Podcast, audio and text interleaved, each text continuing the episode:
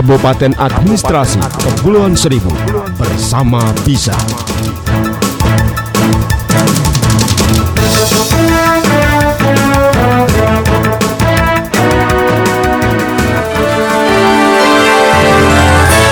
Kabupaten Administrasi Kepulauan Seribu bersama Bisa.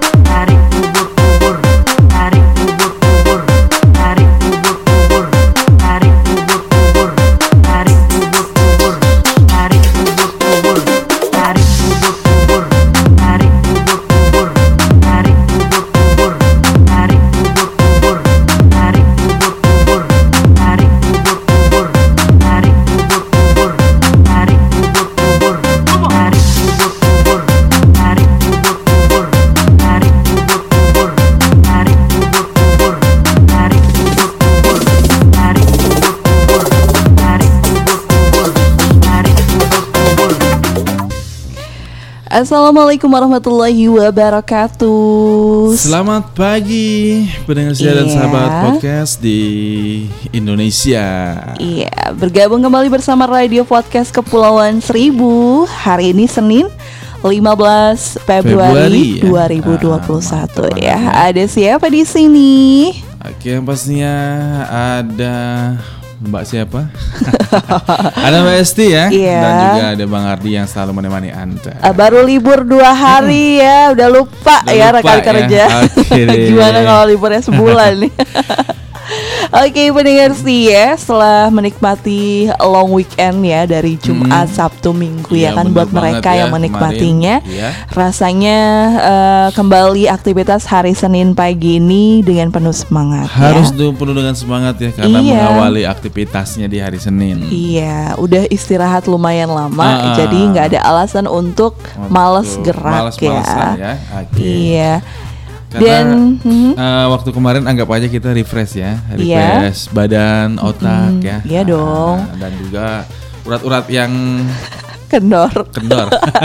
jadi kenceng lagi ya. Bener banget ya. Kebalik, Kebalik urat yang urat kenceng yang jadi kenceng. kendor. Ah, jadi ah. eh relax lagi Hmm, mendengar relax ya. dan semangat jangan sampai kendor. Iya pasti. dong pastinya. Oke, hari ini pagi Senin ya Mhm, di lembar iya. ke-15 ya Bang Ardi ya kita menemani aktivitas pagi Anda di segmen Kerapu Kreasi Anak Pulau Oke, ya jam pagi 6 hari ini hingga ya. jam Mhm, 9 pagi benar ya. Mudah-mudahan aktivitasnya lancar selalu Oke, ya.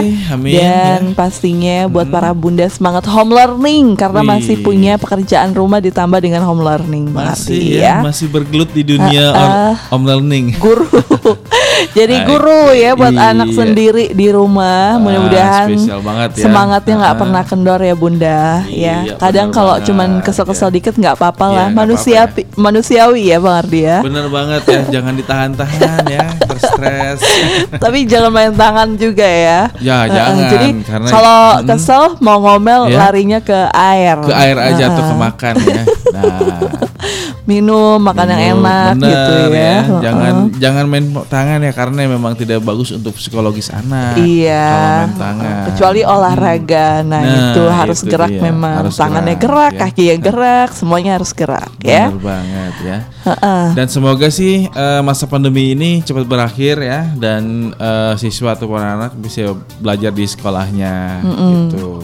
Dan ibu-ibu bisa fokus ke satu titik. Benar ya. Jadi eh, apa pun ya, Ya. kesibukannya hari ini mudah-mudahan eh, warga Pulau Seribu, Jakarta, Indonesia dan Iya. semua yang mendengarkan radio podcast Kepulauan Seribu selalu tetap bersemangat ya. Selalu semangat ya. Eh, Oke. jangan sampai jangan kasih kendor. Jangan kasih nih. kendor, benar sih ya, Iya. benar banget ya.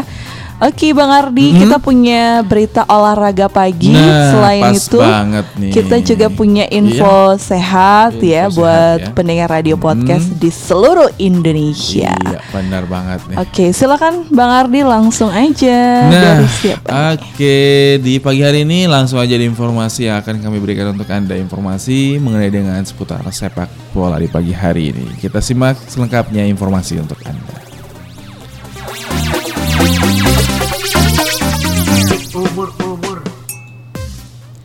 Tiga rekor buruk Liverpool usai kalah dari Leicester.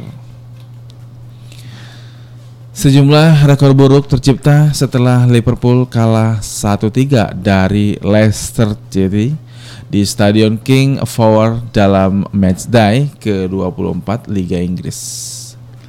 Liverpool gagal eh, bangkit di Premier League usai dua kekalahan berturut-turut dari Manchester City dan Abrington and Hope Albion.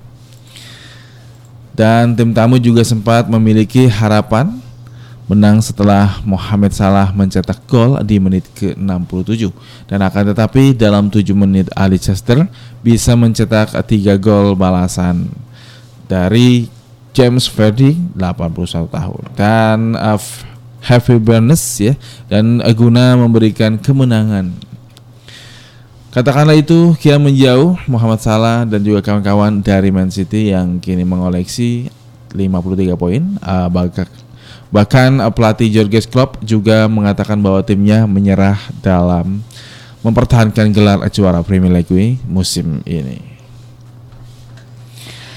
Iya, pendengar setia, itu dia informasi pertama di Iya, segmen Kerap pagi hari Oke, ini. di dunia olahraga di situ ada tiga rekor buruk ya untuk Liverpool, eh. Usai kalahkan dari Leicester City, eh, Leicester City ya. Biasanya dia tim yang sangat eh, kompak dan juga sangat bersemangat sekali. Namun sekarang ada eh, rekornya ya tiga kali berturut-turut ekor buruknya. Heeh. Wah Jadi, harus semangat nih. Itu kalau udah dapat Mm-mm. tiga rekor buruk, gimana Bang Ardi? ya harus harus semangat ya memperbaiki rekor itu menjadi baik. oh, jadi gitu. masih ada kesempatan untuk masih memperbaikinya ada kesempatan ya. untuk memperbaiki. Ibarat pekerja kalau dapat tiga kali Mm-mm. surat SP Nah. masih harus bisa dibantu ya. Bener banget ya kalau tiga kali mah kalau dalam pekerjaan kayaknya sulit.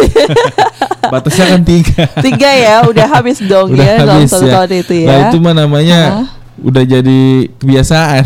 kebiasaan ya. Iya, bud- beda budaya, ya, ya, benar beda. sih. ya. Jadi kalau misalnya prestasi nah, ya tiga kali berturut-turut prestasinya kurang baik Kurang masih baik, bisa di masih bisa eh, diperbaiki. diperbaiki dengan Gitu. latihan sungguh-sungguh ya. Nah kalau di bidang pekerjaan kayaknya kalau misalnya udah dapat rapot buruk Nah, tiga kali tiga berturut-turut Ya, ya, itu dan harus- itu udah bikin atasannya geram ya. Iya, Ya mungkin- harusnya udah uh, sadar diri aja Sadar diri ya, aja. rapikan uh, tempat kerja Bener dan langsung banget. pulang. Nah, dieliminasi.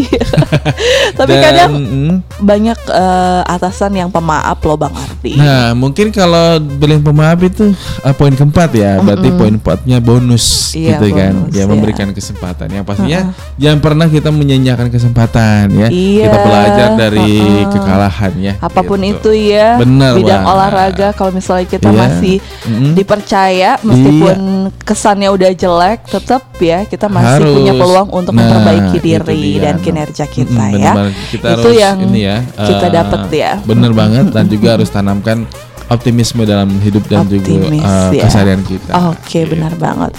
Oke, selanjutnya informasi kedua pendengar setia masih dari CNN Indonesia, klasemen Liga Inggris usai Liverpool dan Tottenham kalah.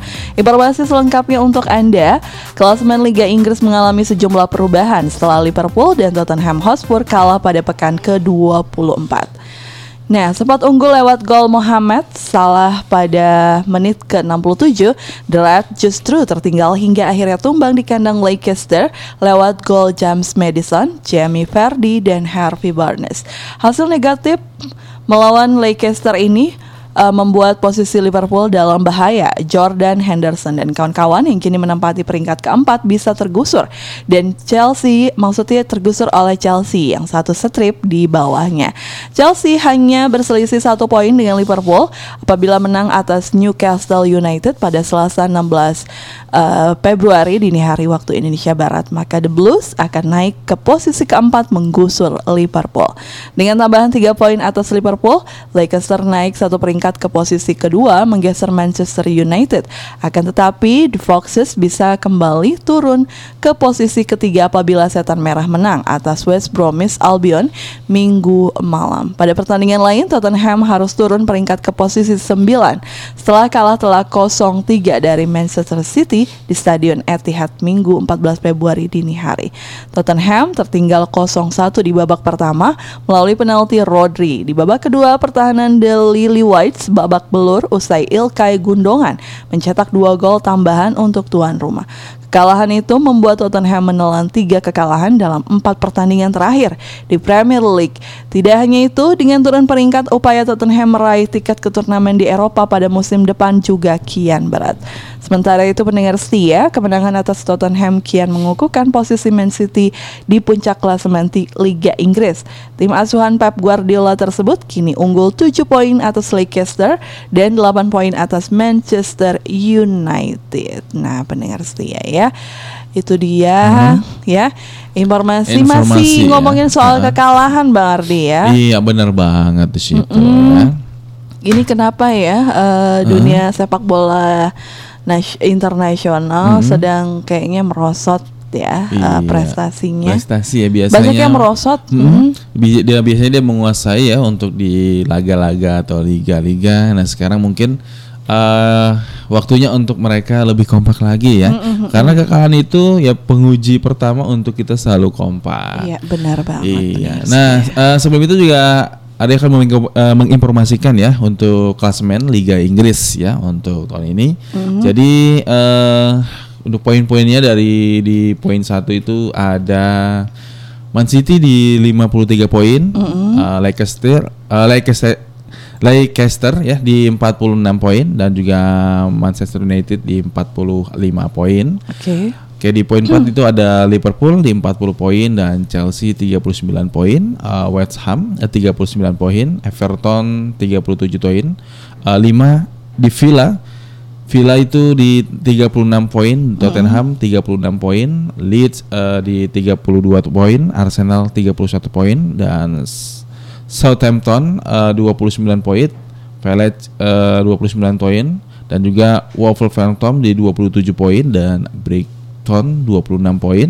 Barnell 26 poin, Newcastle 25 poin, Fulham 15 poin, West Brom 12 poin dan juga Sheffield uh, di 11 poin. Nah, dari klasemen Liga Inggris ini yang dikuasai oleh Man City di 50 uh, 53 poin ya. Oke, Oke, itu itu ya. dia. Karena kekompakan mereka dan keyakinan Mm-mm, mereka nih uh, uh, ya. menguasai poin yang tertinggi ya di klasemen Liga Inggris ya. Oke. Oke, itu dia pendengar setia ya. Um, Manchester United si setan merah aja ada di Uh-uh. posisi ketiga ya. Iya, posisi Uh, uh, ketiga kalah ya. sama Man City ya. Padahal Man City I- ini belum lama loh Bang Ardi. Iya benar banget ya. Karena dari segi mungkin eh, taktik baru ya Uh-uh. dan juga semangat baru. Nah, itu Ini yang membuat Garuda Indonesia belum ada nih Bang Ardi. Oh, belum ada. Oke. Iya ya, kapan Eh, ya? Hmm. Ini dari negara-negara barat aja. Iya. Asia belum ya, kayak Malaysia, Belum. Indonesia, Singapura belum ada. nih, Belum guys. ada ya. Oke pendengar setia Radio Kepulauan Seribu dan sahabat podcast di mana pun anda berada yang pastinya selamat pagi salam aktivitas untuk kita bersama Mhm. Ah, ah, di setiap harinya dan RKS Podcast selalu menemani anda di Mhm. setiap waktu-waktu luang anda ya. Iya, sekedar Oke. info aja nih Bang Ah, Ardi kita mm-mm. eh, ada edisi segmen duet ya setiap Iya, hari bener banget, setiap Senin hari ya. sampai Mm-mm. Kamis ya. Benar. Iya, itu dari dia. satu hari itu ada empat segmen dan kita duet Benar terus ya. banget ya. Nah, mudah-mudahan eh, pendengar radio podcast Kepulauan Seribu suka Mm-mm, ya, iya, suka dengerin ya. radio Kepulauan Seribunya dan juga suka informasi yang kita share Bang Ardi ya. Mm-mm, Karena mm-mm. pastinya informasinya tak kalah penting dengan Benar, informasi ya. uh, berita website lainnya ya. Iya, Oke, mantap akhirnya banget kita uh, mau puterin lagu dulu ya, Bang Ardi deh, ya. di pagi hari ini ada yang mau nyanyi katanya nih. Iya, siapa nih? Langsung aja kita putarkan lagu-lagu dari Cita-Cita. Selamat mendengarkan radio Kepulauan Seribu.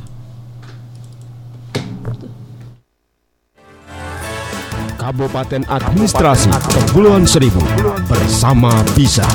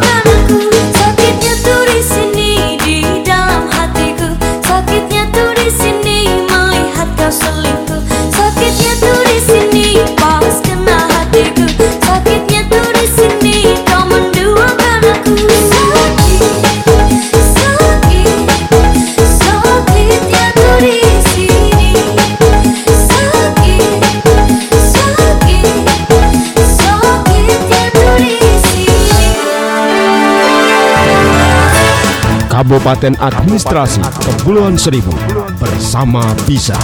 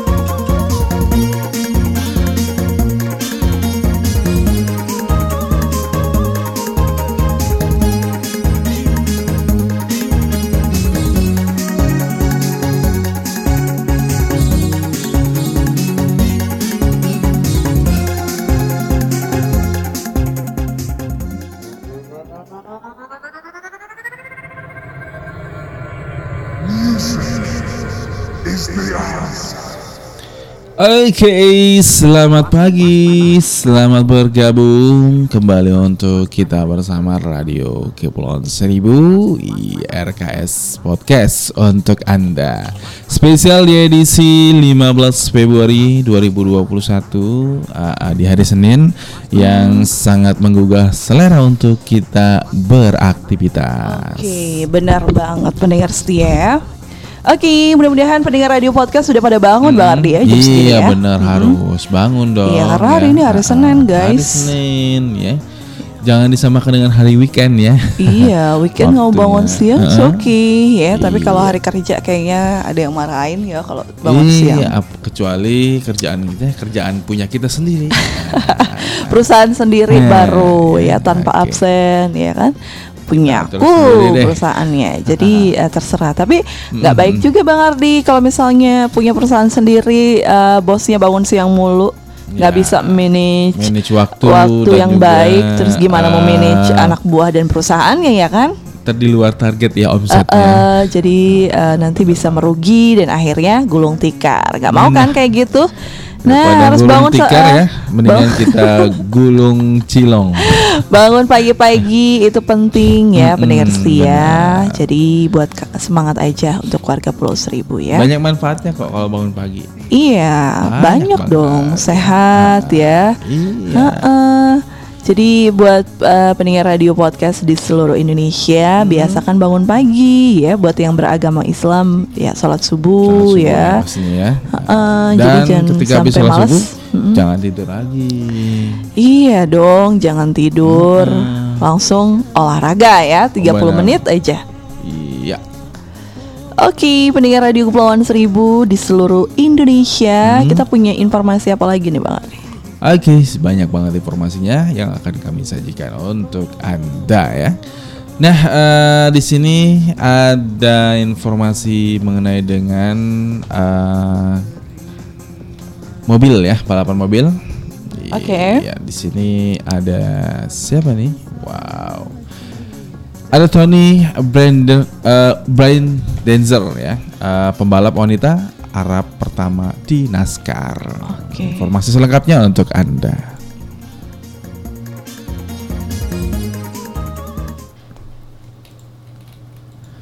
Tony Brandizer, pembalap wanita Arab pertama di NASCAR. Tony Brandiger menjadi wanita keturunan Arab pertama yang berpartisipasi dalam balapan seri nasional NASCAR usai bergabung dengan Young's Motorsport. Pembalap 21 tahun itu eh, bergabung dengan Young Motorsport guna balapan di sejumlah ajang seperti seri eh, Arca, Menard, eh, s- kompetisi truck pickup NASCAR, Campaign World Truck eh, hingga Lucas Oil 2020 di Dayton eh, International Speedway.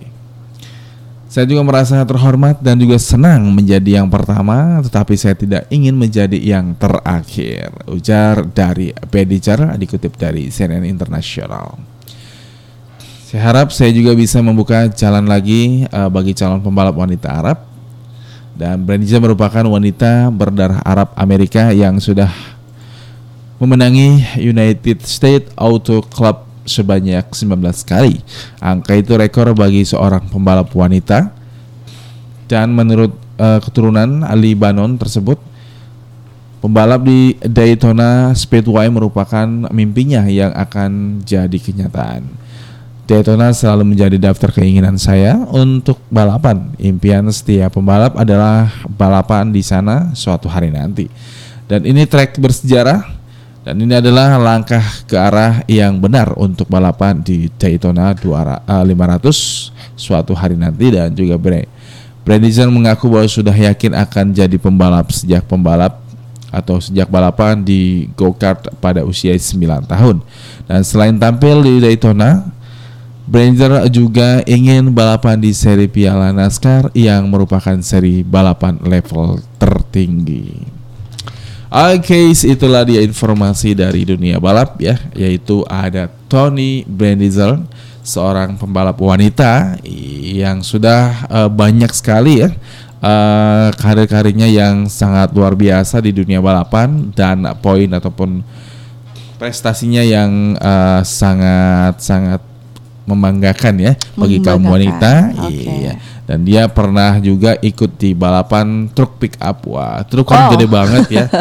Tapi dia kuat ya Bang Kuat banget ya Ha-ha. untuk mengemudikannya gitu kan. Oh, Eh, eh, memainkan ada setirnya. Mantap Kekuatan banget di ya. tangannya ya, Ah, ah, sama benar banget. otak pastinya. Nah, iya itulah dia pembalap dari eh, keturunan ya dari Arab yaitu Hah? ada Tony Brandiger. Wah, mantap banget. Sukses selalu deh untuk Anda dan mungkin di Indonesia menyusul kali ya. Ah, kayak ada pembalap wanita juga nih. Namanya Hesti. Wah, mantap luar biasa ya. Dari penyiar sampai jadi Jadi pembalap. pembalap ya. Wis, Aduh, bingung pembalap. latihannya di mana gitu Nah, ya. iya, banyak ya. Oke, pendengar radio podcast di seluruh Indonesia masih dengan berita olahraga pagi. Kali ini datangnya dari Indonesia. Oke. Ada Bagas Kava latihan sama senior di TCC Games 2021. Kira-kira canggung nggak ya dia? Ya, mungkin belum banyak yang tahu Agus Kava, namanya keren juga ya, Kava. Pemain timnas Indonesia Bagas Kava menjalani aktivitas latihan bersama rekan-rekannya di training camp SEA Games 2021 termasuk dengan pemain senior. Bagaimana kesannya? Yuk, yuk, yuk kita cari tahu gimana kesannya Bagas ya. Kayaknya keren banget ya latihan di eh luar negeri ya. Bagas naik kelas telah masuk dalam 36 nama yang dipanggil Sinteyong untuk mengikuti TC Timnas U22 proyeksi SEA Games. Sebelumnya, ia hanya menjalani pemusatan latihan bersama Timnas U19 pada tahun lalu. Selain Bagas Kava, ada beberapa nama lainnya seperti Brave Fatari, Pratama Arhan, Erlangga Estio, Irfan Jawahari hingga Rizky Rido. Uh, selebihnya merupakan pemain-pemain U22 dan beberapa di antaranya pemain senior. Seperti di antaranya Evan Dimas, Adam Alis, Andi Setio, dan Nadeo Argawinata. Meskipun terbilang baru di antara pemain senior timnas Indonesia, pemain Barito Putra itu tak mengalami kesulitan yang berarti. Alhamdulillah proses adaptasi dengan pemain lainnya tidak ada masalah. Saya uh, sudah banyak uh, mengenal rekan-rekan yang di atas saya dan kami menikmati semua menu latihan yang diberikan pelatih kata Bagas dalam laman PSSI. Saudara kembar dari Amiruddin Bagus Kavi ini juga mengatakan saat ini dalam kondisi baik setelah beberapa hari menjalani latihan. TC Timnas Indonesia untuk proyeksi SEA Games itu sudah berjalan sejak 8 Februari lalu di Stadion Madia GBK hingga 5 Maret mendatang. Kami juga terus bekerja keras, disiplin dan meningkatkan kemampuan tutur Bagas Kava yang merupakan kelahiran Magelang 19 tahun silam itu. Untuk diketahui, SEA Games 2021 bergulir di Vietnam mulai 21 November hingga 2 Desember.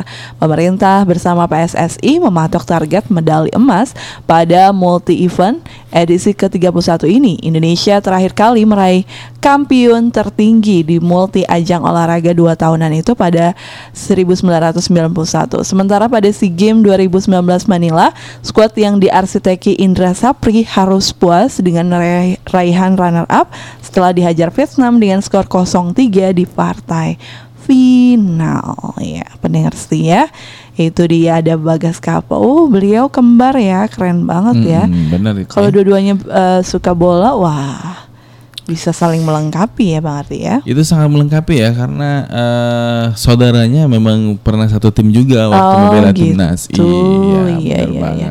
dia U- usia U22 Hmm. ya timnas U22 nih Iya. Dan eh, mereka bisa berkolaborasi selaras ya, eh, kayak di pertandingan ya, ketika mereka berdampingan nih. Nah, eh, di samping itu kita balik lagi nih, ada Liga Italia kayak di pagi hari ini. Lost, lost my mind. Lost, lost my mind. Klasemen Liga Italia Inter gusur Milan di puncak.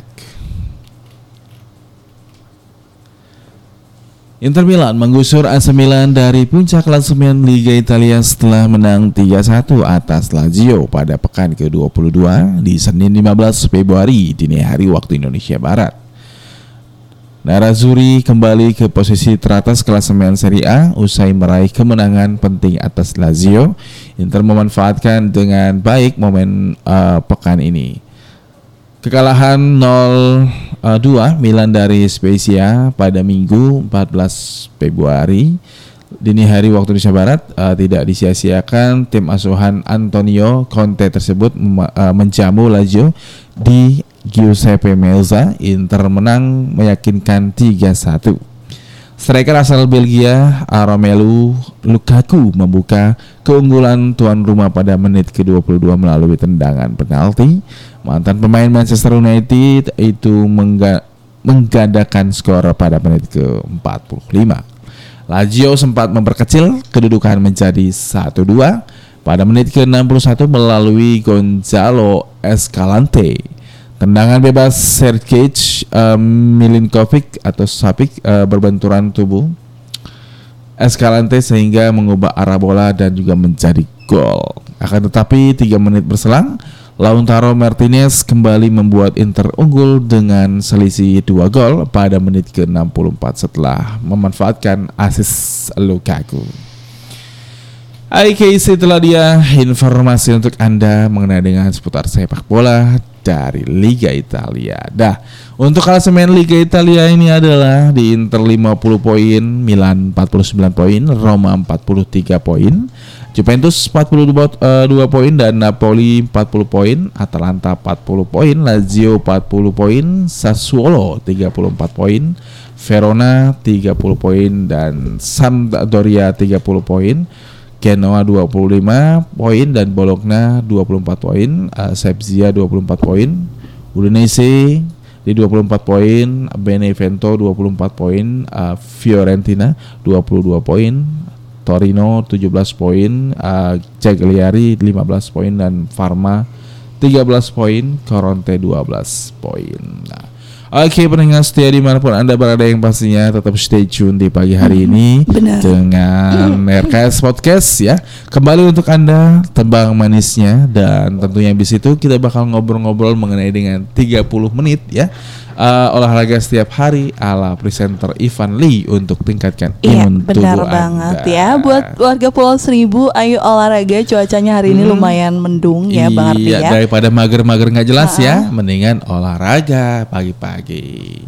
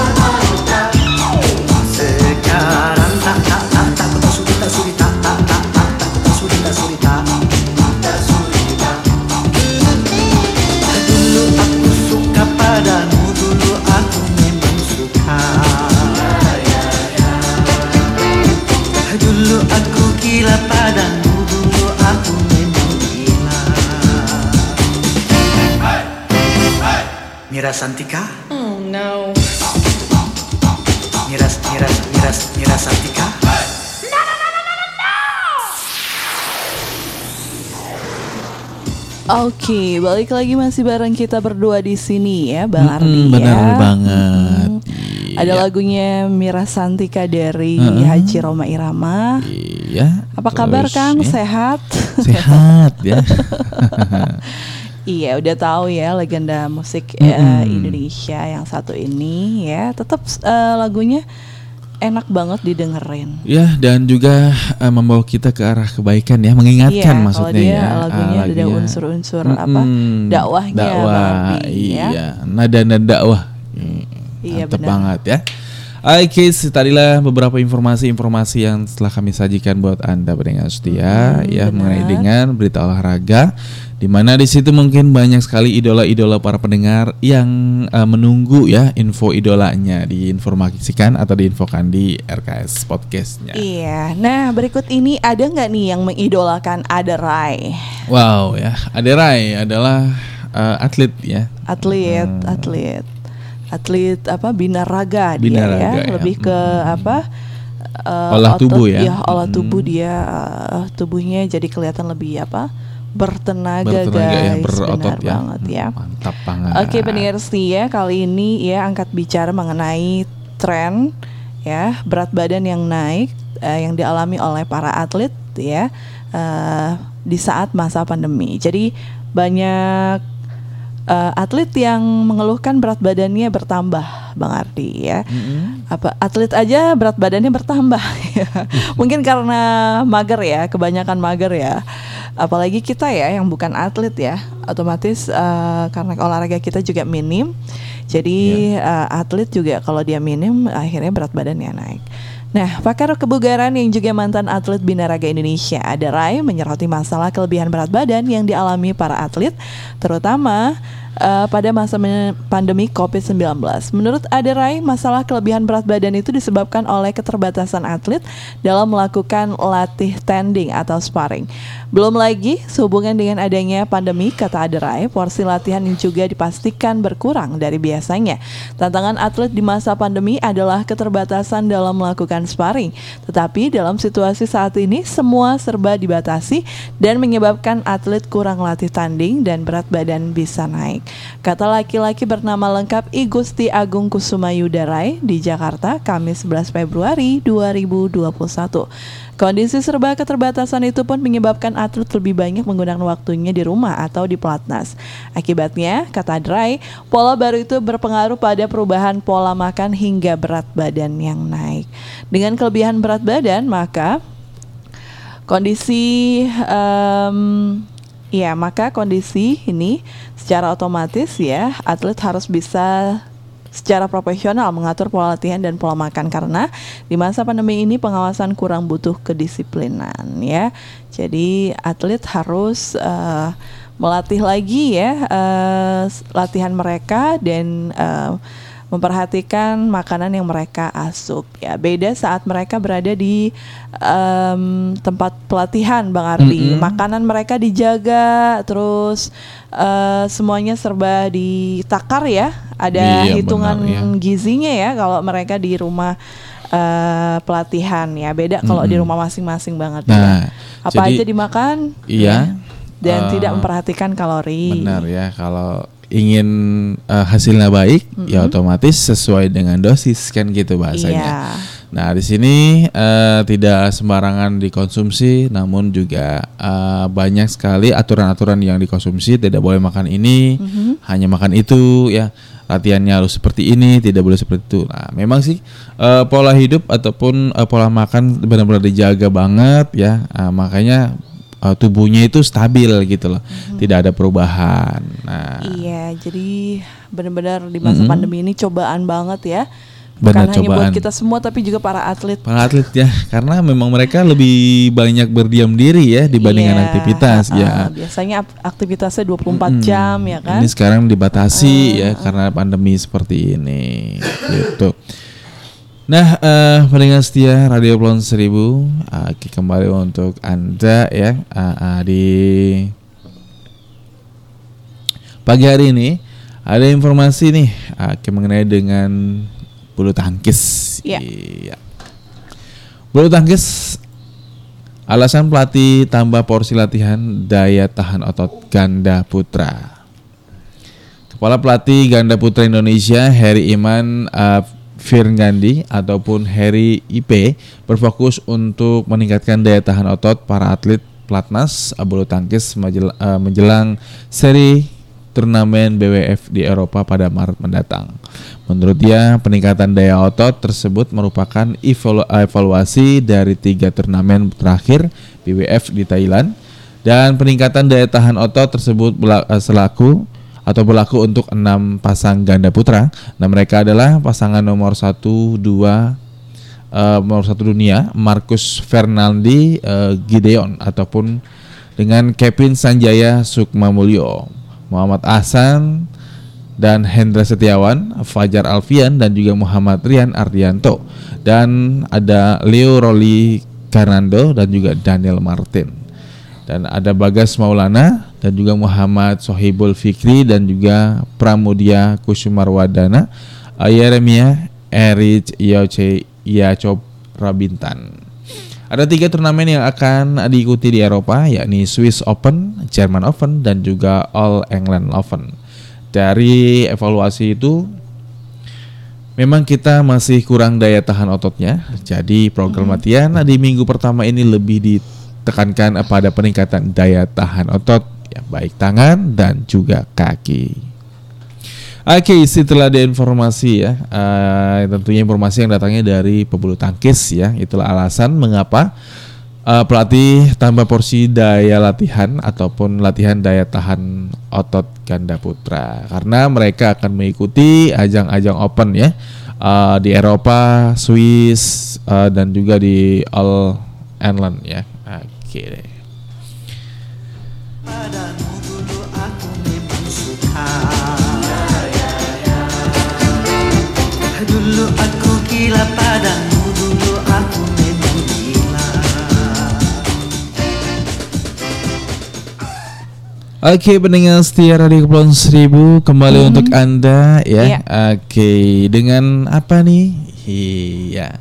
Lagu aja dulu ya Oke, Kita lagu nanti aja puterin satu dulu. buah lagu Hmm. Nanti kita beralih ke tips 30 menit olahraga setiap hari ala presenter Ivan Lee Yang bisa meningkatkan sistem imun tubuh Bang Ardi ya Benar banget. Oke, jangan ke mana-mana, dengerin terus radio podcast Kepulauan Seribu pagi hari ini. Tetap semangat.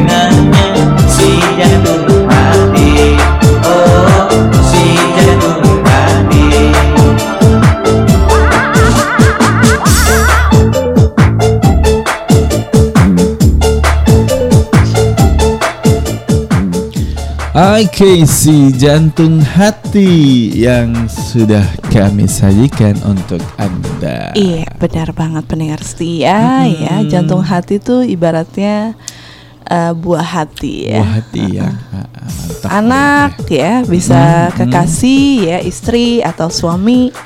Jantung hati ya. Buah hati berarti anak. Kalau jantung hati itu adalah iya jantung hati. Iya, karena bagaimanapun ya, Hmm. eh, semua itu kembali kepada kita. Mau disebut apa? Iya, benar banget ya. Oke.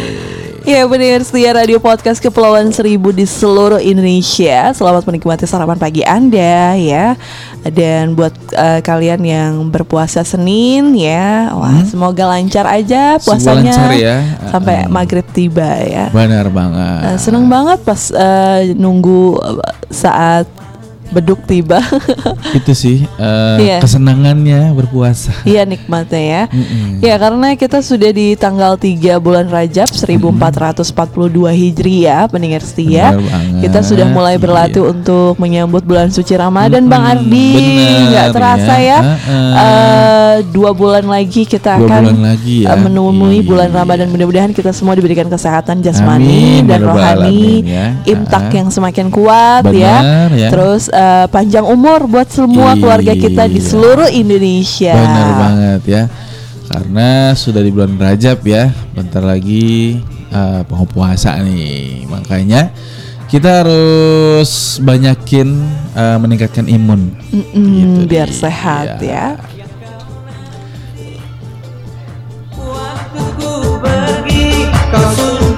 Nah, yang pastinya di pagi hari ini apa nih obrolan kita yang sangat menarik? Iya, ada Ivan Lee, seorang presenter olahraga yang Nah. mengatakan tips 30 menit olahraga setiap hari ya Ih, yang selalu ia ya. lakukan ternyata bisa meningkatkan imun tubuh pendengar tubuhnya. Kayaknya kita bisa nyontek nih ya. Iya. Bisa niru gayanya Ivan Lee ya. Pendengar setia dari Jakarta, Ivan Lee Kabul selama ini dikenal sebagai presenter sekaligus aktor yang rajin menjaga kesehatan dengan olahraga yang cukup. Menurut saya, menjaga pola hidup yang sehat sangat penting karena merupakan bagian terpenting dari hidup saya, ujar Ivan Lee dalam obrolan dengan Tribun News baru-baru ini. Ia menuturkan beberapa kegiatan olahraga yang rutin ia jalani antara lain adalah push up, sit up, up ya. lari, basket, dan tenis. Nah, saya mencoba berolahraga 30 menit setiap hari agar tetap sehat dan meningkatkan imun tubuh, ujar Ivan Lee. Selain itu, dia juga tetap menerapkan protokol kesehatan yang telah ditentukan pemerintah seperti 3M, yaitu menggunakan masker, mencuci tangan, dan menjaga jarak ya. Iya, benar Saya banget. selalu berpesan kepada seluruh kerabat saya untuk tetap menerapkan 3M, ujar Ivan Lee. Ia berpesan di tengah pandemi COVID-19 seperti sekarang ini, siapa saja perlu menjaga kebiasaan rutin berolahraga. Karena dengan berolahraga yang cukup dapat membuat imun diri semakin lebih kuat, kata dia. Nah, pendengar setia ya, itu dia tips Tips dari 30 menit iya, ah, olahraga. 30 menit ya. Dari Ivan Lee pendengar Nah. setia ya.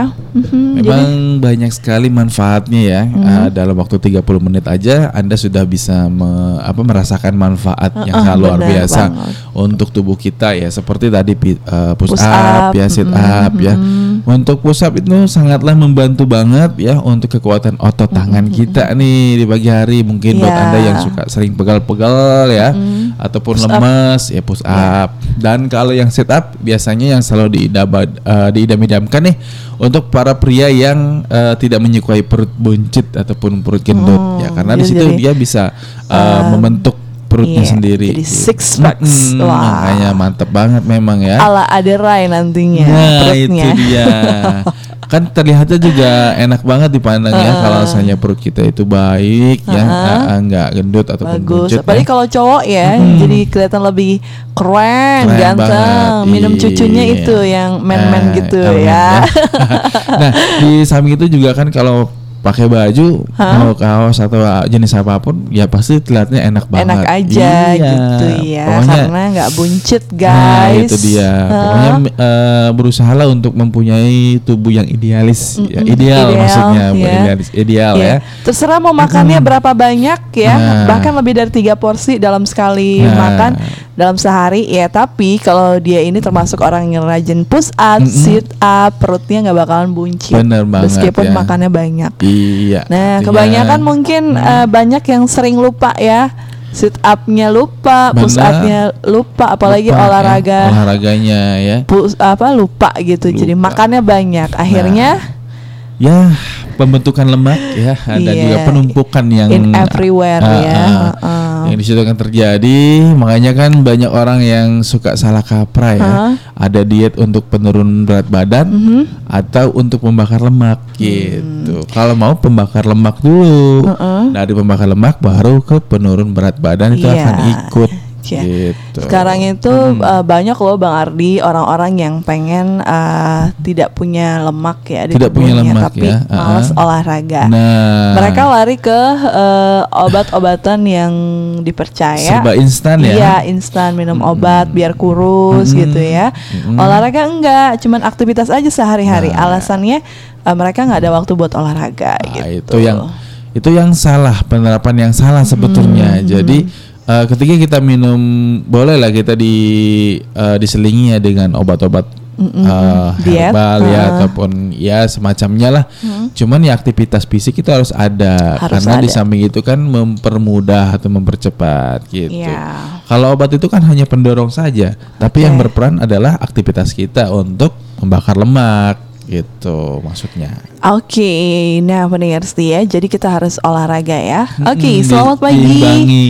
Ha-ha, selamat pagi buat yang sudah bergabung di Facebook RKS nih. Ada Mbak Oke, Happy Ta Happy. ah, ah, happy ta happy ya. Buat Mbak Ah, Cindy ah. Lestari ya, Pak Iya. Ipung Afterlip dan Ah, juga. Mbak Nur Hafiz ya. Iya, mantap Terima banget ya. kasih ya, Mm-mm. Mbak Cindy katanya eh, pagi juga selamat beraktivitas. Oke. Oke, mantap ya. terus juga nih ada Mbak Cindy Lema, Cindy Lestari katanya Mhm, mhm. semangat juga RKS Kepulauan Seribu sehat dan sukses. Amin ya rabbal ya alamin. alamin ya. ya. Sukses selalu ya untuk Ha-ah. Anda nih. Oke buat semuanya juga ya warga Kepulauan Seribu DKI Jakarta ya. Eh, kita juga punya tips di sini mengenai makan sebelum olahraga perlu Wah, atau tidak. Inilah pentingnya makan sebelum olahraga. Ya, terkadang orang banyak yang salah nih, Mbak. Ya. Eh, olahraga ya, jangan makan dulu atau jangan banyak minum dulu. Ih, nanti akan sakit perutnya. Padahal di sini dianjurkan ya makan sebelum olahraga. yang kau nanti Nah, pendengar setia Radio Kepulauan Seribu yang pastinya olahraga itu sangatlah penting dan juga makan sebelum olahraga perlu atau tidak nih kira-kira. Kalau memang perlu ya harus ya. Kalau memang tidak ya setidaknya ada sarapan di pagi hari. Nah, makan eh, makanan merupakan sumber energi karena alasan tersebut ya eh, sebagai orang eh, sebagian orang maksudnya berpendapat sebaiknya jangan berolahraga dengan perut kosong. Namun ada juga yang berpendapat nih sebaliknya olahraga sebelum makan justru bisa mendapat hasil maksimal. Ya. Terutama untuk membakar lebih banyak kalori.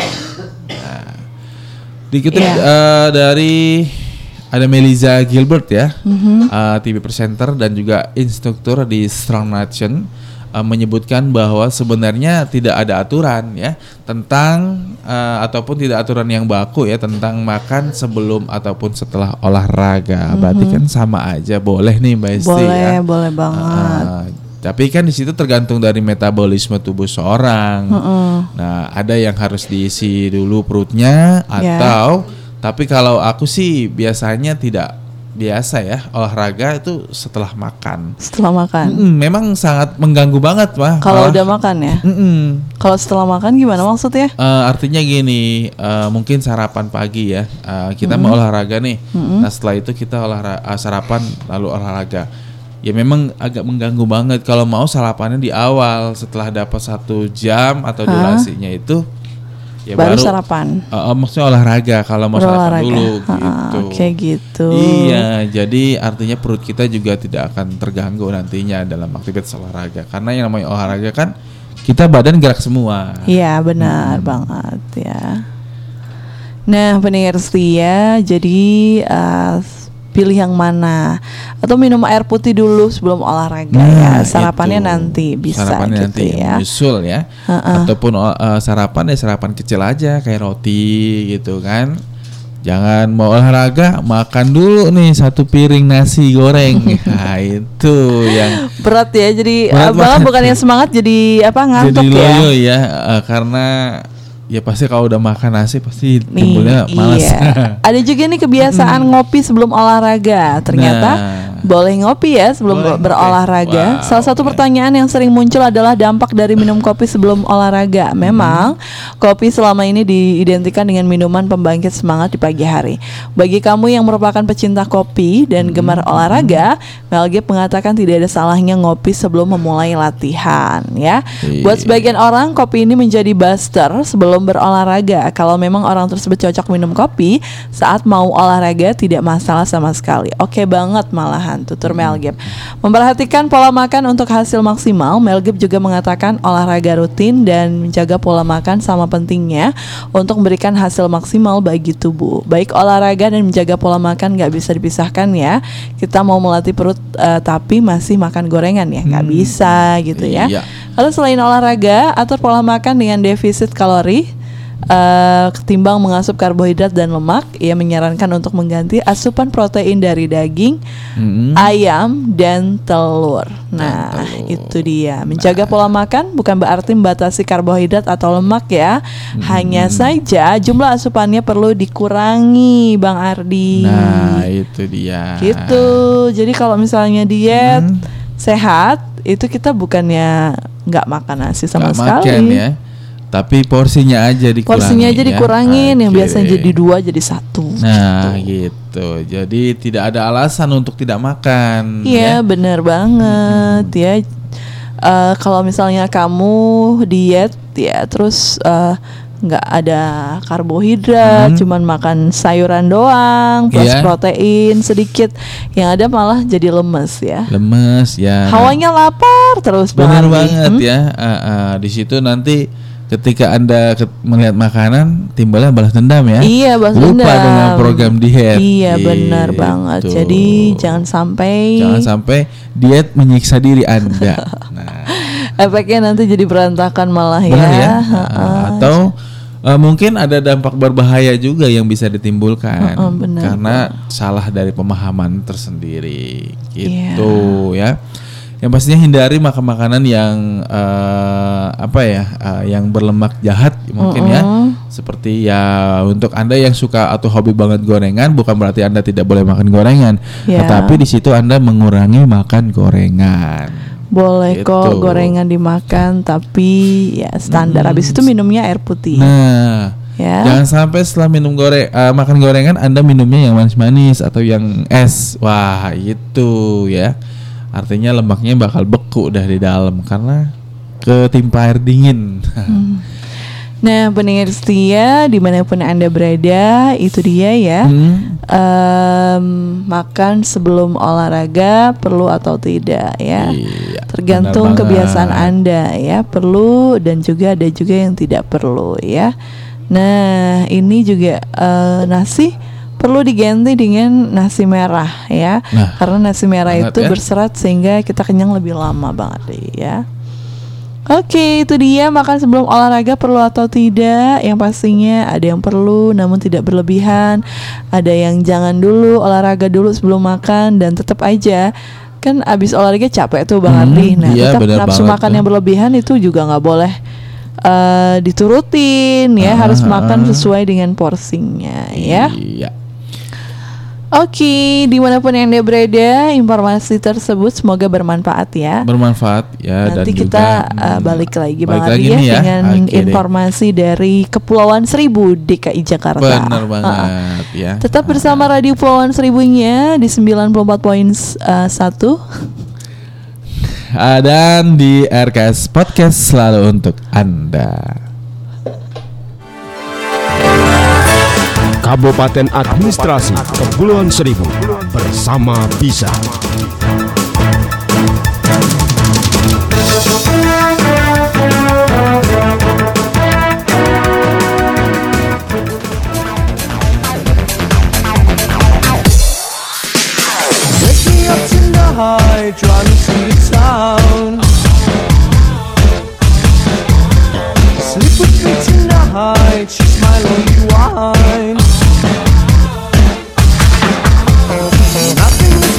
Ramadan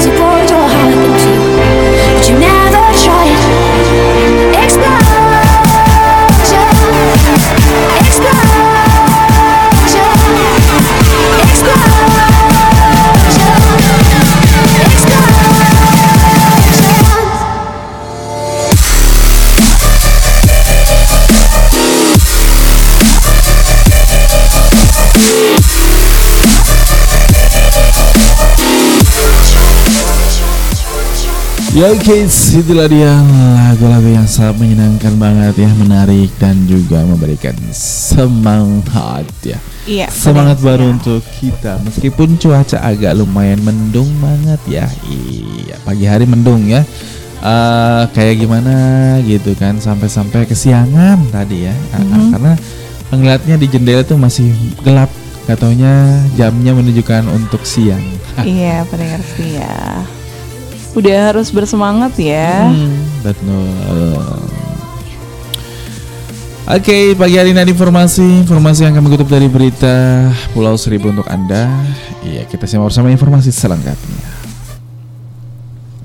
Puluhan anak yatim Kelurahan Pulau Untung Jawa menerima santunan. Sebanyak 24 anak yatim di Kelurahan Pulau Untung Jawa, Kecamatan Pulau Seribu Selatan menerima santunan dari Pertamina Hulu Energi Offshore North Wales Java.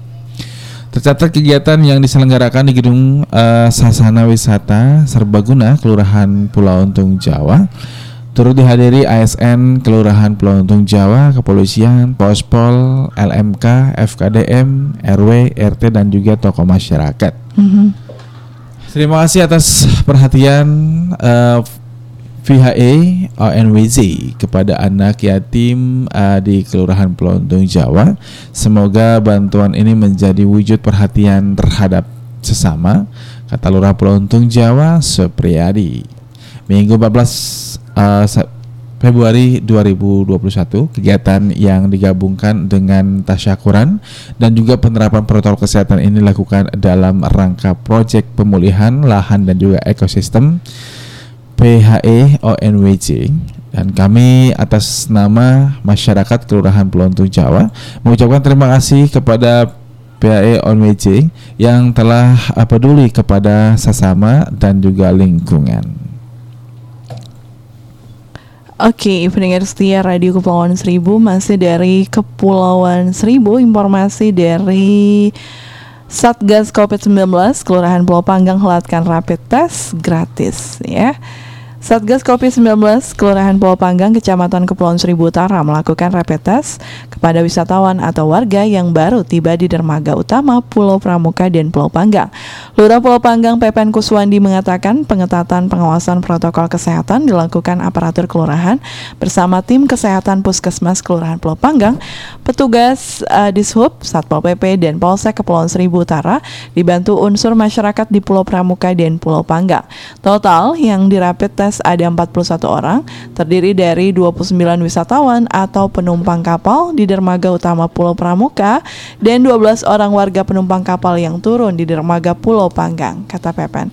Pepen menjelaskan peserta rapid test merupakan wisatawan dan warga yang tidak dapat menunjukkan hasil tes swab atau surat keterangan negatif COVID-19 usai tiba di dermaga. Hasilnya non-reaktif semua. Namun begitu pengawasan tetap harus dilakukan agar pencegahan penyebaran COVID-19 benar-benar dapat dilakukan. Tandasnya. Oke, itulah informasinya untuk Anda mendengar setia mengenai eh, dengan rapid test ya, masih berhubungan dengan rapid test karena memang wajib banget ketika Anda ingin berlibur di Kepulauan Seribu itu harus menunjukkan eh, hasil ya, hasil negatif Anda dari COVID-19 ya, baru bisa berliburan ya di Kepulauan Seribu. Nah, dan tentunya kembali untuk Anda informasi informasi yang kami kutip dari berita Jakarta. Pelaku usaha pariwisata di Kepulauan Seribu disosialisasikan PPKM berbasis mikro. Suku Dinas Pariwisata dan juga Ekonomi Kreatif Kepulauan Seribu mensosialisasikan pemberlakuan pembatasan kegiatan masyarakat berbasis mikro kepada para pelaku usaha wisata. Kepala Sudin Parekraf Kepulauan Seribu Puja Stuti mengatakan bahwa sosialisasi ini sebagai tindak lanjut dari keputusan Gubernur nomor 107 tahun 2021 tentang pemberlakuan pembatasan kegiatan masyarakat berbasis mikro serta surat keputusan Kepala Dinas Pariwisata dan juga Ekonomi Kreatif DKI Jakarta nomor 123 tahun 2021 tentang PPKM berbasis mikro pada sektor usaha pariwisata. Sosialisasi uh, kita lakukan dengan cara kunjungan langsung maupun cara lainnya. Intinya mungkin ya beroperasi uh, pelaku usaha wajib menjalankan ketentuan yang ada dengan tetap menerapkan protokol kesehatan. Dan menurutnya beberapa uh, ketentuan yang diatur masa PPKM berbasis mikro di antaranya untuk pengusaha restoran, rumah makan dan juga kafe yang sesuai dengan maksimal kapasitas 50% menerapkan 3M, tidak boleh menampilkan musik hidup atau band atau DJ serta jam operasional makan di tempat berlaku pada pukul 6.00 hingga 21.00 waktu Indonesia Barat. Dan kemudian untuk pelaku usaha wisata air ataupun bersifat olahraga dan rekreasi air di pantai memiliki ketentuan maksimal kapasitas 50% serta jam operasional mulai dari jam 6.00 hingga 17.00. Sementara ini berlaku sesuai penerapan PPKM berbasis mikro mulai 9 Februari 2021 hingga 22 Februari mendatang. Kalau ada kebijakan lanjutan akan kami informasikan kembali. Oke, itulah dia informasinya untuk kita bersama. Semoga menjadikan manfaat dan syafaatnya. Oke, pendengar setia ya.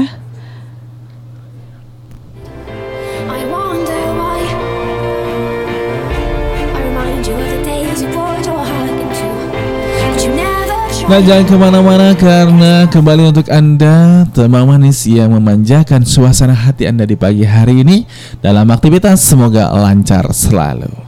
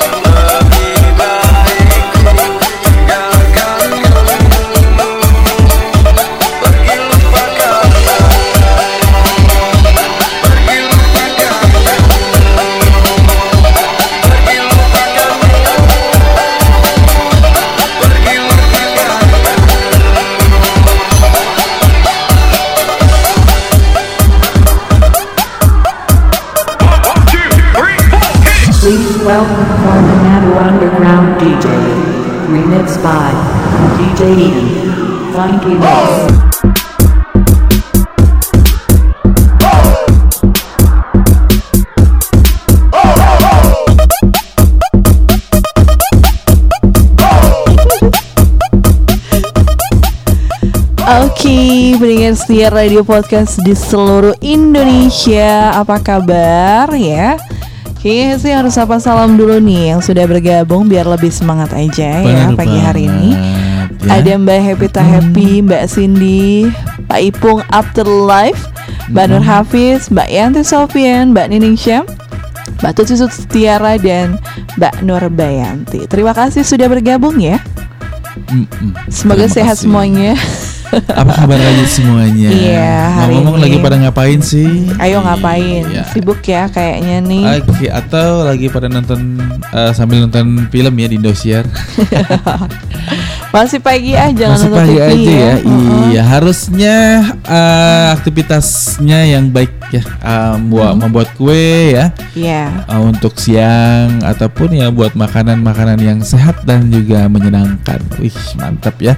Biar anak itu betah di rumah nggak ke mana-mana ya. Iya. Dan juga eh, selalu mengutamakan ya kesehatan dan juga ja- eh, jalankan protokol kesehatan dengan sebaik-baiknya. Ya kontrol anak ya mainnya ke mana sama iya, siapa benar gitu. banget. Karena kita juga lagi kurang bagus nih cuaca Mm-mm, cuacanya hari-hari ini, jadi harus aktif ya Bunda. Nah, benar banget ya. Ah, ah. aktifnya tidak hanya eh, di depan apa ya, depan mata pelajaran aja, tapi di luarnya juga harus aktif ya, Hmm, atau di belakangnya.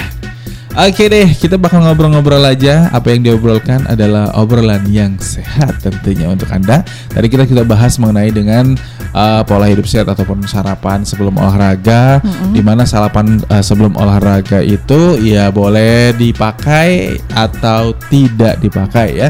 Tergantung uh, kuatnya metabolisme tubuh Anda. Ya.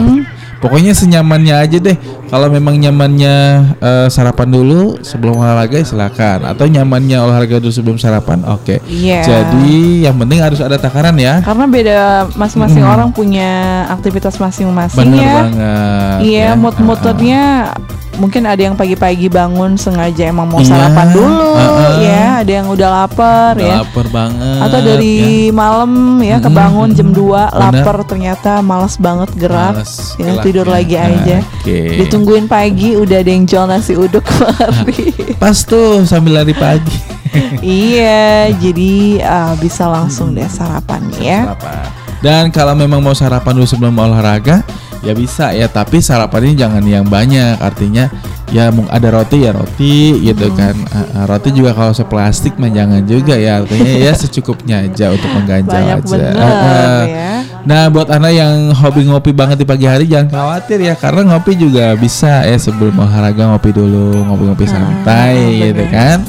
Nah jadi tidak ada alasan untuk tidak ngopi. Nah mantap deh pokoknya. Oke, masih untuk Anda RKS Podcast yang selalu memberikan suasana hati hangatnya. Salam salam selalu kami sajikan buat yang lagi bekerja atau aktivitas ya, baik di lautan, di daratan ataupun di udara sekalipun ya. Oke. Salam aktivitas untuk Anda semuanya, sehat selalu dan juga jaga selalu kenyamanan dan keselamatan dalam aktivitas atau pekerjaan-pekerjaan Anda. Iya.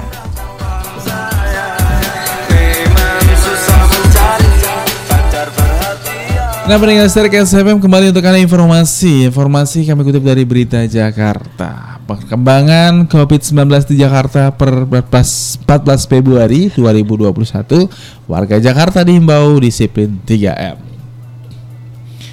Pemerintah Provinsi DKI Jakarta menghimbau seluruh masyarakat untuk meningkatkan kedisiplinan terhadap protokol kesehatan atau 3M. Lantaran pandemi COVID-19 belum juga berakhir, kendati Pemprov DKI Jakarta terus meningkatkan 3T, diperlukan kerja bersama masyarakat untuk menerus uh, memutus mata rantai penularan virus ini. Kepala Bidang Pencegahan dan juga Pengendalian Penyakit Dinas Kesehatan Provinsi DKI Jakarta, Dwi Oktavia memaparkan bahwa berdasarkan data yang terkini Dinas Kesehatan Pemerintah Provinsi DKI Jakarta dilakukan tes PCR sebanyak 10.916 orang.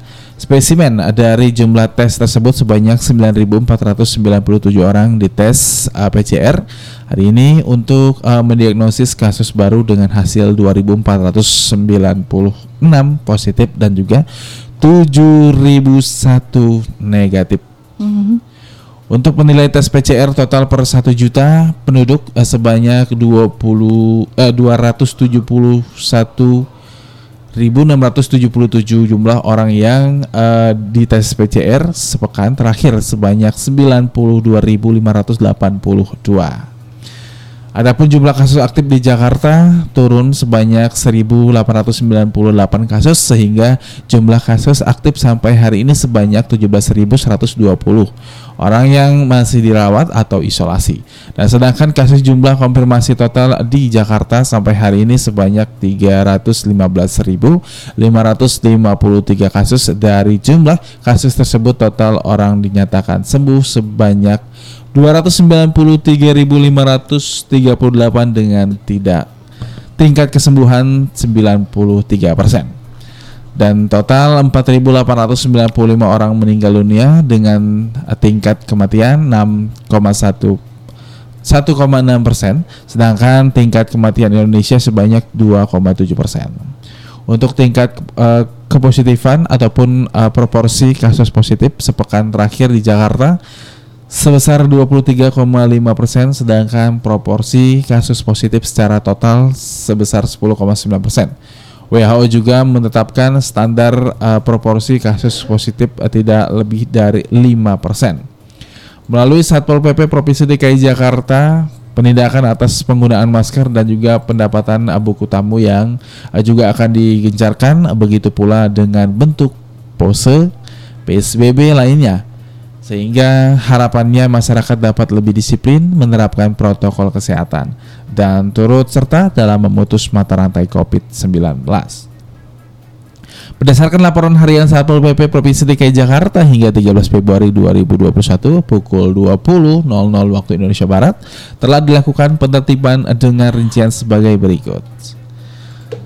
Perorangan nah, tidak memakai masker, kerja sosial uh, 792, denda 32, jumlah 824. Dan untuk restoran ataupun rumah makan, denda 0. Penghentian sementara kegiatan 1 kali 24 jam 0. Penghentian sementara kegiatan 3 kali 24 jam 4. Dan pembubaran dan juga teguran tertulis 45. Pembekuan sementara ataupun pencabutan izin 0 dan tidak ditemukan pelanggaran 297 dan jumlah 346. Untuk perkantoran atau tempat usaha, tempat industri uh, untuk denda 0 dan penghentian sementara kegiatan uh, 3 kali 24 jam itu satu kasus. Teguran uh, tertulis 17 dan pembekuan sementara ataupun pencabutan izin uh, 0 dan tidak ditemukan pelanggaran di 129 kasus. Ya jumlah ada 147. Untuk nilai denda perorangan uh, di 4 juta 700 ribu tempat usaha makanan minuman restoran rumah makan ya DRP uh, 0 dan tempat kerja kantor tempat industri 0 jumlahnya adalah 4.700.000. Pemprov DKI Jakarta menyarankan bagi masyarakat yang ingin memasuki wilayah Jakarta untuk melakukan pemeriksaan mandiri COVID-19 melalui cek uh, CLM di aplikasi Jaki melalui Jak CLM. Masyarakat dapat melihat uh, risiko COVID-19 serta mendapatkan berbagai rekomendasi kesehatan sesuai dengan risiko yang dimiliki. Kontribusi masyarakat dalam pengisian cek CLM dapat membantu Pemprov DKI Jakarta untuk melakukan pencegahan kasus COVID-19 di Jakarta. Pemprov DKI Jakarta juga membuka kesempatan untuk berbagi uh, dengan sesama yang membutuhkan bantuan karena terdampak pandemi COVID-19 dalam program kolaborasi sosial berskala besar atau KSBB. Masyarakat dapat memberikan bantuan berupa bahan dengan uh, bahan pokok, makanan siap saji hingga uang tunai. Informasi lengkap seputar KSBB dapat melalui situs corona.jakarta.co.id atau kolaborasi.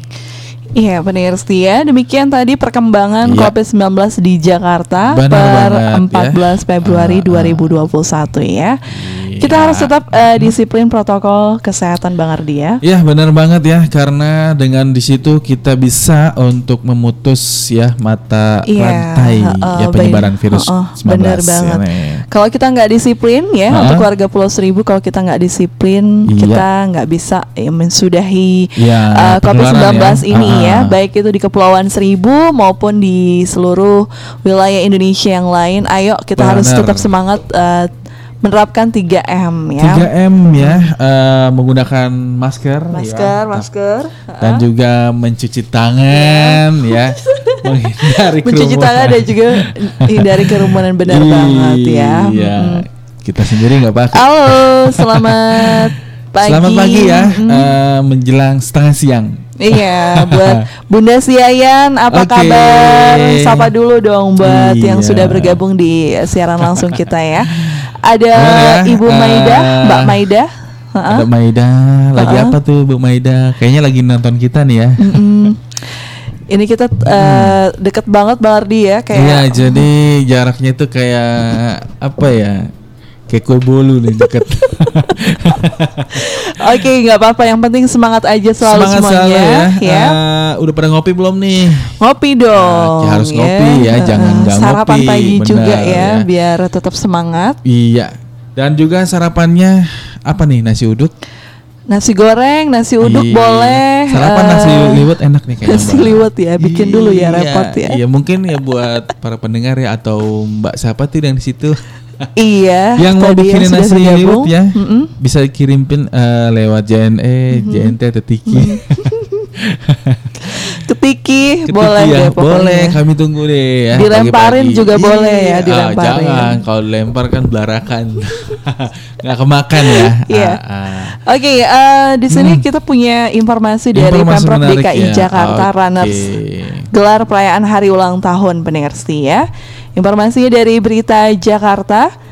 Em, Pemprov DKI Jakarta Runners atau PDJR merayakan hari ulang tahun ketiga pada Minggu 14 Februari. Perayaan HUT Komunitas Aparatur dan PJLP yang memiliki hobi olahraga lari ini dilakukan secara virtual dan diikuti puluhan anggotanya dari lima wilayah kota. Hmm, benar banget. Wakil Ketua Pemprov DKI Jakarta Runners Ahmad Sofian menuturkan meski di tengah suasana pandemi COVID-19 sejumlah kegiatan tetap digelar seperti taur, eh, tauran 2021 yang berlangsung sejak 9 Januari hingga eh, 9 Februari 2021. Tantangan ini diikuti puluhan anggota PDJR aktif dari lima wilayah ibu kota yang beraktivitas olahraga lari bersama maupun sendiri di wilayah masing-masing ujar Ahmad Sofian.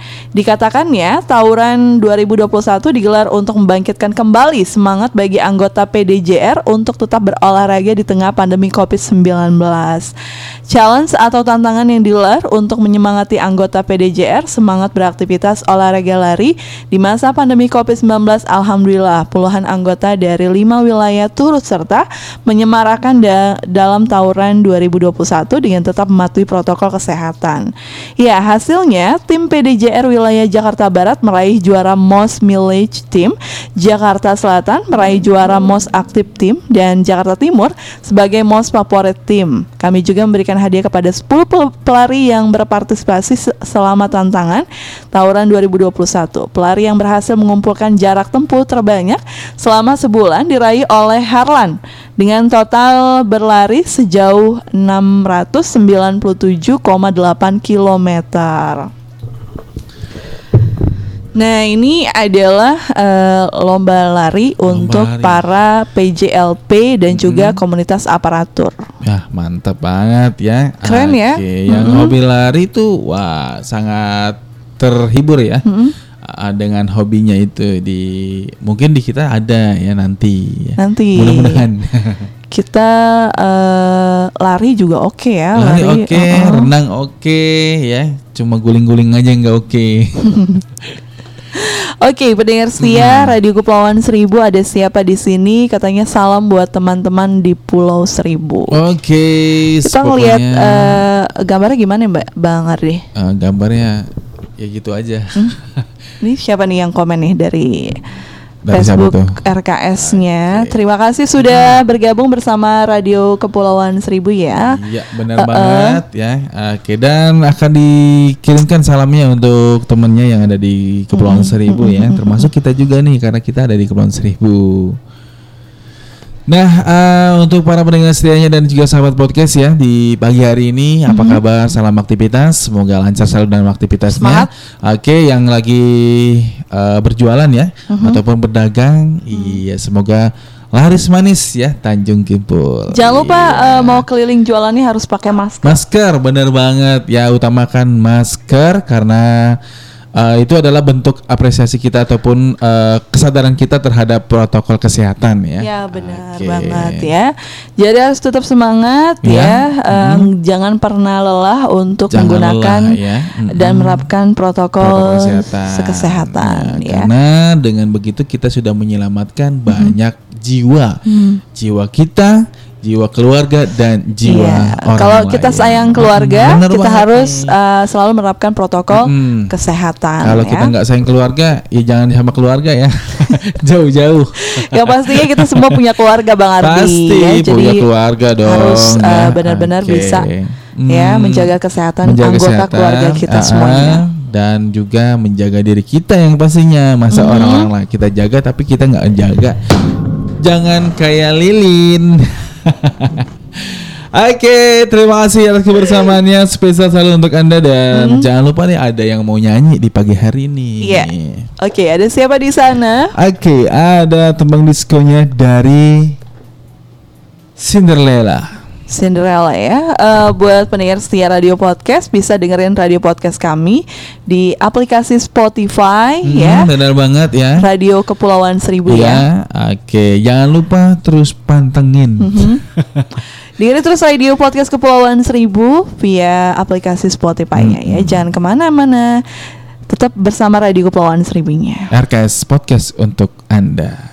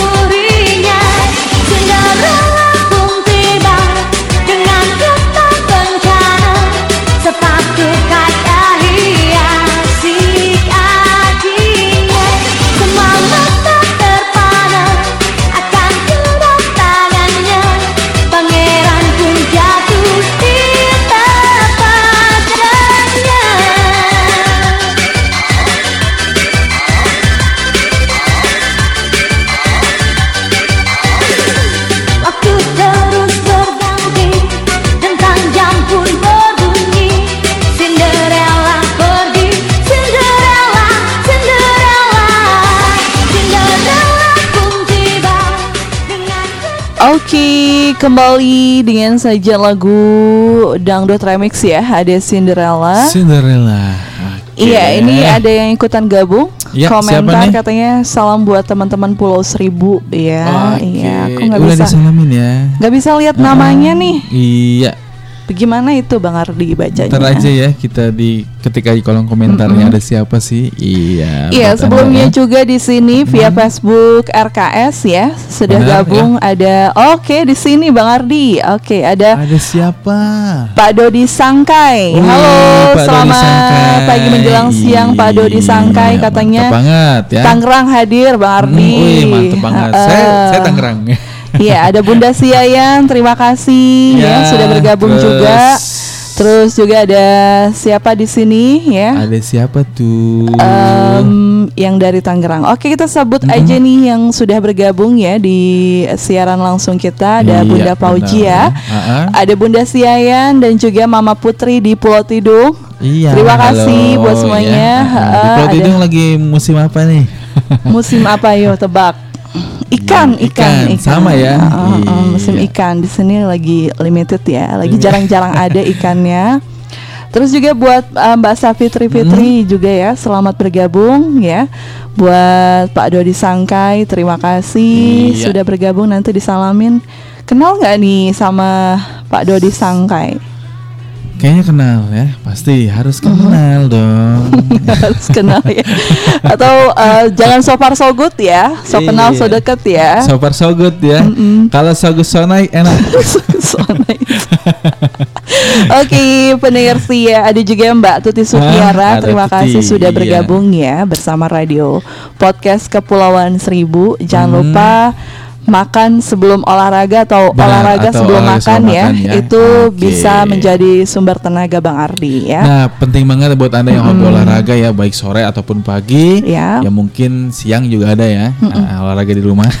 Ya. Dan kalau mau makan ya silakan makan, cuman Oh. jangan terlalu banyak atau berlebihan ya untuk makannya. Ya cukup secukupnya aja, artinya biar tidak mengganggu aktivitas Anda nanti ketika Anda saat olahraga. Ataupun yang bersepeda nih ya. Karena bersepeda itu kan menggayu atau menggoes-goesnya Iya, ya. benar banget. Oke, jangan lupa diisi dulu tenaganya atau perutnya. Ya, yang penting jangan berlebihan.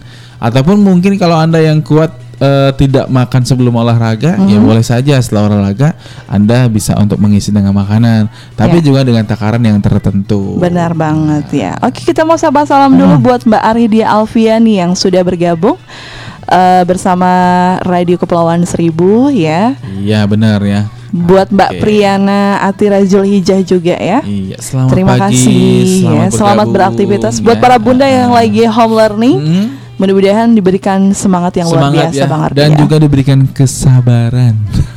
Oke. Karena kesabaran penting ya. Penting ya, banget. tahu sendiri kan kalau udah menyangkut hal seperti itu, Mhm. emo- eh, emosional pasti mendidih, menggebu-gebu. Iya benar banget. Kita masih punya informasi Ah, dari masih- Kepulauan masih ada, Seribu masih nggak ada. nih? Oke. dong. Nah di sini Iya, ada pembangunan tanggul penghubung Jalan Lingkar di Pulau Harapan yang rampung. Halo, apa kabar buat yang ada di Pulau Harapan? Iya, yang lagi Ya. bikin tanggul, Ya. Iya, ataupun para petugas pasukan biru ya, Pasukan biru Ah, dari ah. SDA ya. SDA dan Ah. juga patuk- ah, pasukan orange yang Dari- selalu mm. memberikan kenyamanan untuk masyarakat. Pasukan hijau Pasukan eh, dan eh, orange LH ya, dari Ah, LH ya. Oke. ya. Ini Salam informasi ya. mm-mm, selengkapnya untuk Anda. Suku Dinas Sumber Daya Air Kepulauan Seribu telah menyelesaikan pembangunan tanggul penghubung Jalan Lingkar di sisi barat dermaga RT 4 RW 1 Kelurahan Pulau Harapan, Kecamatan Kepulauan Seribu Utara. Kepala Suku Dinas SDA Kepulauan Seribu Abdul Raub mengatakan pembangunan tanggul penghubung mulai dikerjakan pada 28 Januari 2021 dan selesai 10 Februari lalu. Selesai dibangun, tanggul penghubung ini dicat dengan warna biru putih. Tujuannya selain tampak bersih juga indah dipandang mata. Ia menambahkan sebanyak tujuh personil satuan tugas atau Satgas SDA dikerahkan untuk membangun tanggul berukuran 4 kali 4 meter menggunakan material kubus masif tersebut. Tanggul ini menghubungkan tanggul satu dengan yang lain sehingga dapat memperkuat daya tahan tanggul dari hempasan ombak. Keberadaan tanggul penghubung ini sekaligus juga memudahkan petugas melakukan pengontrolan tanggul atau infeksi saluran. Iya, demikian informasi di Radio Kepulauan Seribu via podcast. Oke, dan ada satu lagi nih Mbak. Oke. Di pagi hari ini kita beralih di berita Jakarta. Destinasi wisata budaya di Jakarta dibuka dengan penerapan prokes. Pemerintah Provinsi DKI Jakarta melalui Dinas Kebudayaan kembali membuka destinasi wisata budaya dengan penerapan protokol kesehatan seiring pemberlakuan pembatasan kegiatan masyarakat berbasis mikro mulai 9 hingga 22 Februari 2021. Beleit yang tertuang dalam surat keputusan Kepala Dinas Kebudayaan Provinsi DKI Jakarta nomor 87 tahun 2021 tentang pengaturan operasional museum dan gedung pertunjukan seni budaya di masa pemberlakuan pembatasan kegiatan masyarakat. Berbasis mikro ini merupakan tindak lanjut dari keputusan Gubernur nomor 107 tahun 2021 tentang pemberlakuan pembatasan kegiatan masyarakat berbasis mikro Kepala Dinas Kebudayaan DKI Jakarta Iwan Henry Wardana mengatakan bahwa operasional museum dan juga gedung pertunjukan seni budaya menerapkan prokes yang ditunjuk untuk pengunjung dan juga pengelola. Protokol untuk menunjung eh, menunjung yakni penerapan 3M, pengecekan suhu tubuh dilarang berpindah tempat duduk dan juga berlalu lalang. Pembayaran tiket dengan non tunai mengisi data pengunjung dalam buku tamu atau sistem informasi. Kami melakukan pembatasan pengunjung hingga 50% dari kapasitas pengunjung. Kami minta untuk mematuhi prokes pencegahan penularan COVID-19 yang telah ditetapkan. Itulah informasi-informasi yang kami sajikan untuk Anda. Semoga menjadikan manfaat dan sahabatnya untuk kita bersama. Iya, benar sih ya. Ada yang ikutan gabung kan katanya Oke. Pak Husen mau request dong katanya. Request apa nih Pak Husen? Request aja ya, boleh banget di sini komentar ya, boleh lagu dangdut ya. Ah, Request katanya Pak Mhm. Husen silakan mau request lagu apa? Mm-mm. Boleh banget eh, lagu dangdutnya ditunggu Iya, ya. Ditunggu ya. Dangdutnya Ah, versi remix ya. versi remix ya. Mm-mm. Kalau untuk versi eh, lawas ya setelah kami. Ntar acara udang pengko ya. Iya benar banget. Oke, terima kasih Ya, buat mm-mm. Pak Anca Nugi, juga Mbak Priyana, Mbak Arihdia. Terima kasih sudah bergabung ya. Benar. Eh, terima bunda, buat Bunda Siayan, Bu- eh, Bunda Pauzia, Mama Putri di Tidung, Bang Priyadi juga, Mbak Safitri dan juga Bunda Happy Ta Happy ya. Terima kasih sudah bergabung bersama Radio Kepulauan Seribu. Akhirnya usai sudah kebersamaan kita di Iya. pagi hari ini ya. Mohon Mm-mm. maaf ya Terima kalau kasih. eh, nama-nama kalian belum disebut sama kita. Iya, mungkin nanti siang ya kita sebutkan namanya kita absen. Hmm, ya, absen dulu ya. Oke, oke deh. Terima kasih atas kebersamaannya dan semoga sukses selalu, sehat selalu untuk kita. Tetap patuhi protokol kesehatan dan eh, yang pastinya untuk apa ya mengembangkan imun daya tubuh kita ya Mhm. agar terhindar COVID-19 dan memutus mata rantai dengan 3M ya. Iya benar Oke. banget ya. Tentunya dengan mencuci tangan dengan Mencuci sabun tangan. 20 detik ya. Iya, Memakai masker masker ya. dan menjaga jarak Jaga aman. jarak. Kita Kayak jangan jauh-jauh ya. Jangan kita deket-deket jangan jauh-jauh. Kita jauh-jauhan ya. Kalau jauh-jauh kita eh, apa susah ya, Susah. suaranya nggak eh, Iya, masuk Jadi ya. kalau kita jaraknya ya cukup ya setengah meter gitu. Iya, oke. Terima kasih terima buat semuanya Ya. sudah bergabung Oke. bersama Radio Kepulauan Seribunya. Hesti dan Bang Ardi pamit ya. dari ruang dengar Anda. Selamat pagi, selamat beraktivitas di hari Senin ini. Mm-mm. Wassalamualaikum warahmatullahi warahmatullahi wabarakatuh.